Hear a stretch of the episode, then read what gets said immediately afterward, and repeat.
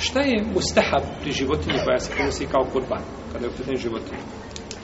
Mustahab je da ta životinja bude što lepše izgleda i da bude što deblja. Da bude što deblja. Pa je bolje zaklati jednu debelu ovcu nego zaklati dvije mršave. Znači, ciljano je meso fermentirano je meso. I ukus mesa, znači, je slađi od maca koji su deblji.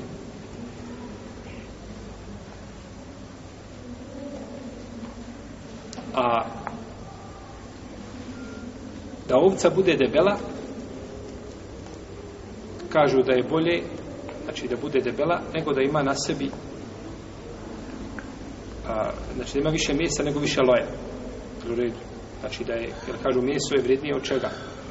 od loja i ciljano je prije kurbanom je ciljano mjesto nego što je ciljan je loj.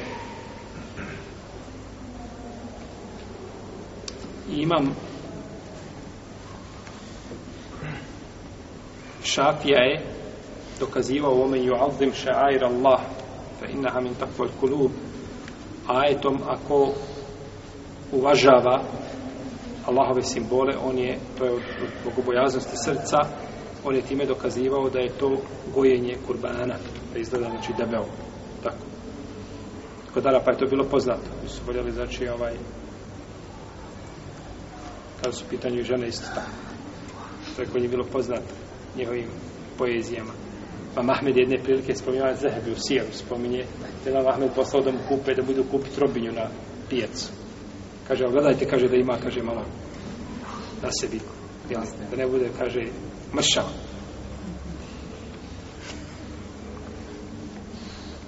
Od Ebu Mame, radijallahu ta'ala anhu, se prenosi u Sahla, jeli, da je rekao, mi smo u Medini gojili kurbane, gojili smo i da budu ha, debeli.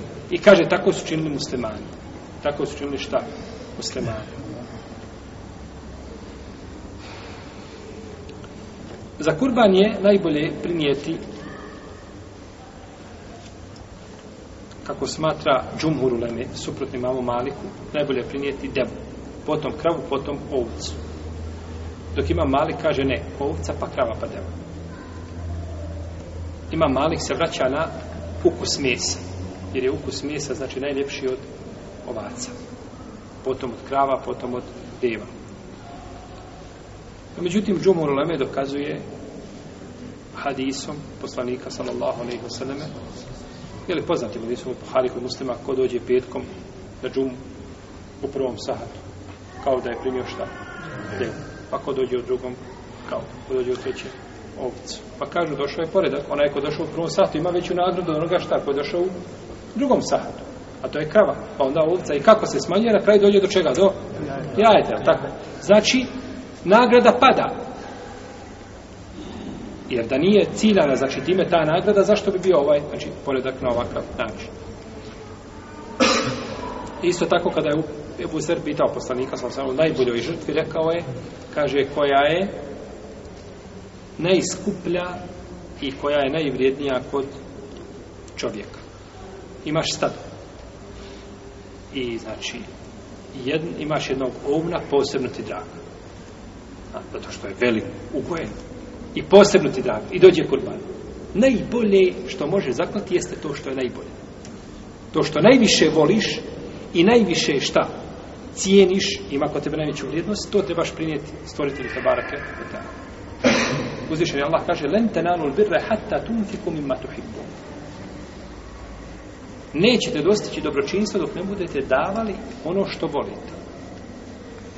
To je ljudima, čovjeku, dođe ti mujo i hase, prosi ili, ili ne znam, potreban je pa mu daš ono što voliš. To je pravo dobročinjstvo.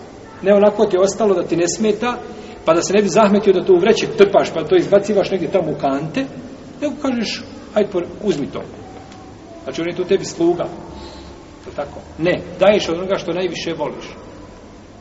Ibn Omer, kad je čuo ovaj ajet, kako bilježi imam Ebu Davud u svome dijelu uh, Zuhd, sa vjerodostavnim lancem prenosilaca, kaže, a najdraže meni je što imam, kaže, jeste Rumeisa, moja robkinja, pa je oslobodio.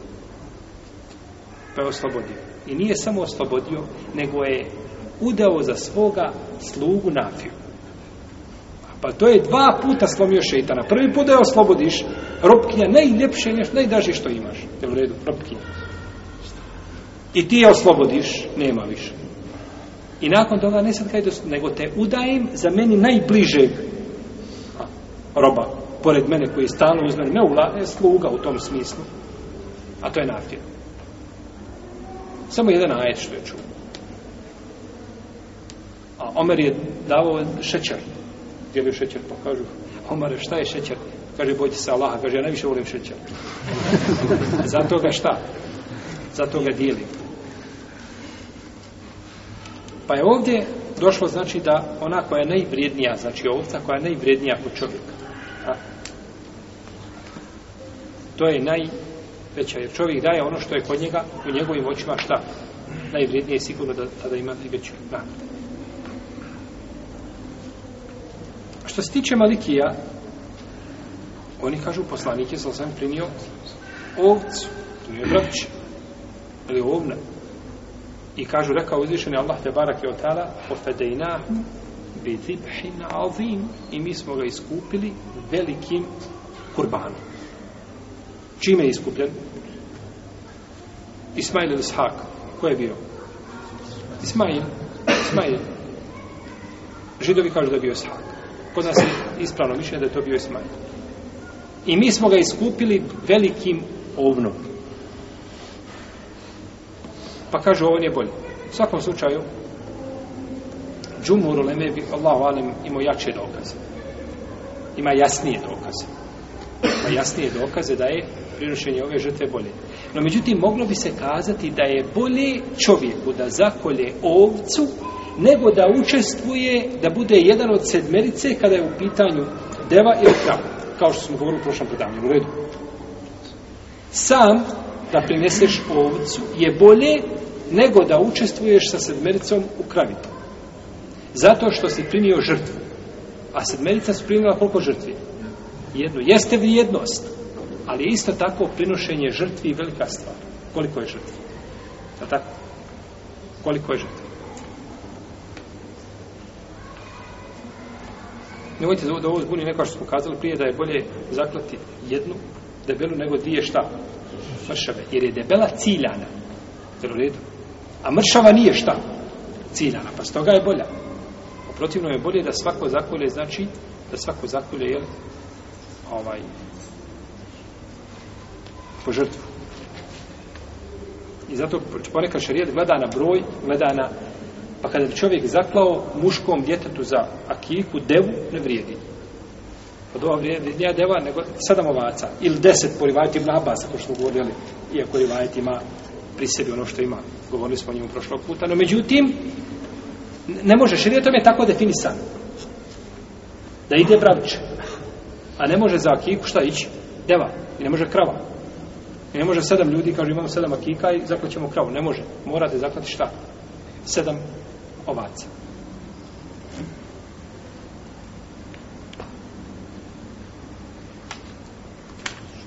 došlo je ne, kod neke uleme da su govorili da je da je najbolje da bude bijela ovce lepo stanik sa osnovne tako plavo a međutim nema jasni argumenta koji bi ukazal na ovaj aftalijet da je poslanik sa plavo ovaj što je tako bila ili je tražio ciljano bijelu ovcu i nam to došlo u sunetu poslanika sallallahu alaihi wa sallam